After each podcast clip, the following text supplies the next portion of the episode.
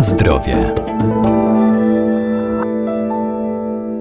Ziołolecznictwo jest jedną z najstarszych znanych człowiekowi metod wspomagania organizmu także w stanach chorobowych, bo rośliny zielarskie mają nie tylko walory smakowe i zapachowe, ale zawierają też szereg ważnych składników mineralnych czy witamin i mają właściwości lecznicze. Można z nich sporządzać herbaty, napary czy wyciągi i stosować zewnętrznie albo wewnętrznie. Wiele z nich pomaga też w odstraszaniu owadów, tak jak piołun, naturalny specyfik na problemy z układem pokarmowym, ale ma on też przeciwwskazania do stosowania i nie może być używany przez wszystkich. Co jeszcze warto o nim wiedzieć?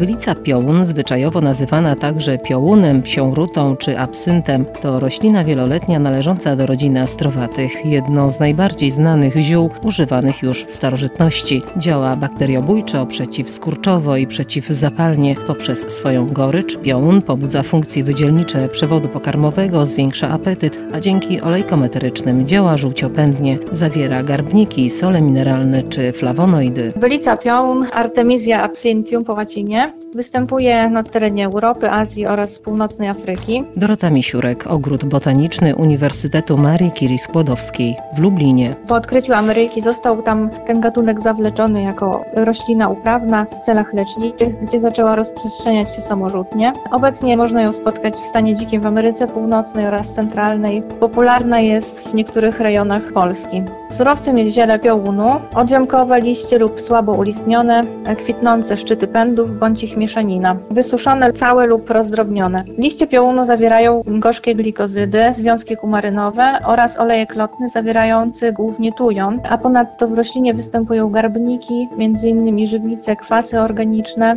a w kwiatach flawonoidy. Piołun przez swoją gorycz pobudza funkcje wydzielnicze przewodu pokarmowego, zmniejsza apetyt, działa żółciopędnie, odkażająco oraz jest środkiem przeciwrobaczym. Przeciwwskazaniami do wewnętrznego stosowania piołunu były ostre stany zapalne przewodu pokarmowego. Odwar z ziela można stosować zewnętrznie przy zwalczaniu pasożytów skóry oraz przy owrzodzeniach i ranach. Napary z ziela dodawano do kąpieli przy chorobach reumatycznych.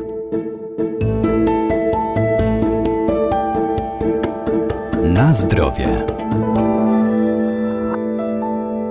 Piołun niekiedy wykorzystywany jest także jako przyprawa, ale ze względu na intensywny gorzki smak i silny aromat stosuje się go rzadko i w małych ilościach. Bylica piołun ma też zastosowanie w ogrodnictwie i nie jest trudna w uprawie. Można z niej przyrządzać naturalne preparaty do wykonywania oprysków przeciwko niechcianym owadom, mszycom czy innym szkodnikom roślin. Piołun wykorzystywany jest również jako przyprawa. Ze względu na intensywny gorzki smak i silny aromat, jako przyprawę stosuje się go rzadko i w bardzo małych ilościach ilościach. W średniowieczu wykorzystywany był czasem do aromatyzowania piwa czy miodów pitnych. Obecnie służy głównie do sporządzania gorzkich likierów żołądkowych i przy produkcji białych win aromatyzowanych ziołami.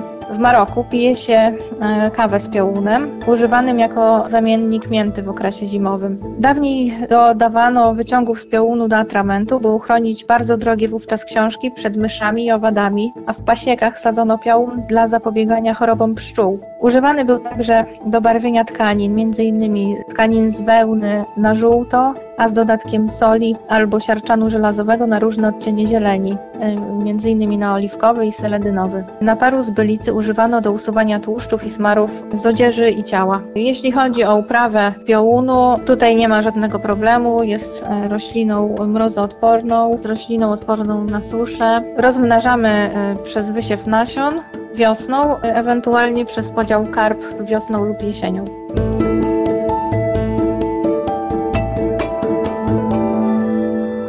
Warto więc sięgać po rośliny zielarskie, by wspomagać nasz organizm, ale pamiętajmy, że zioła należy stosować z umiarem, zwłaszcza jeżeli są używane w celach leczniczych. Najlepiej ich zastosowanie i dawkowanie zawsze skonsultować z lekarzem.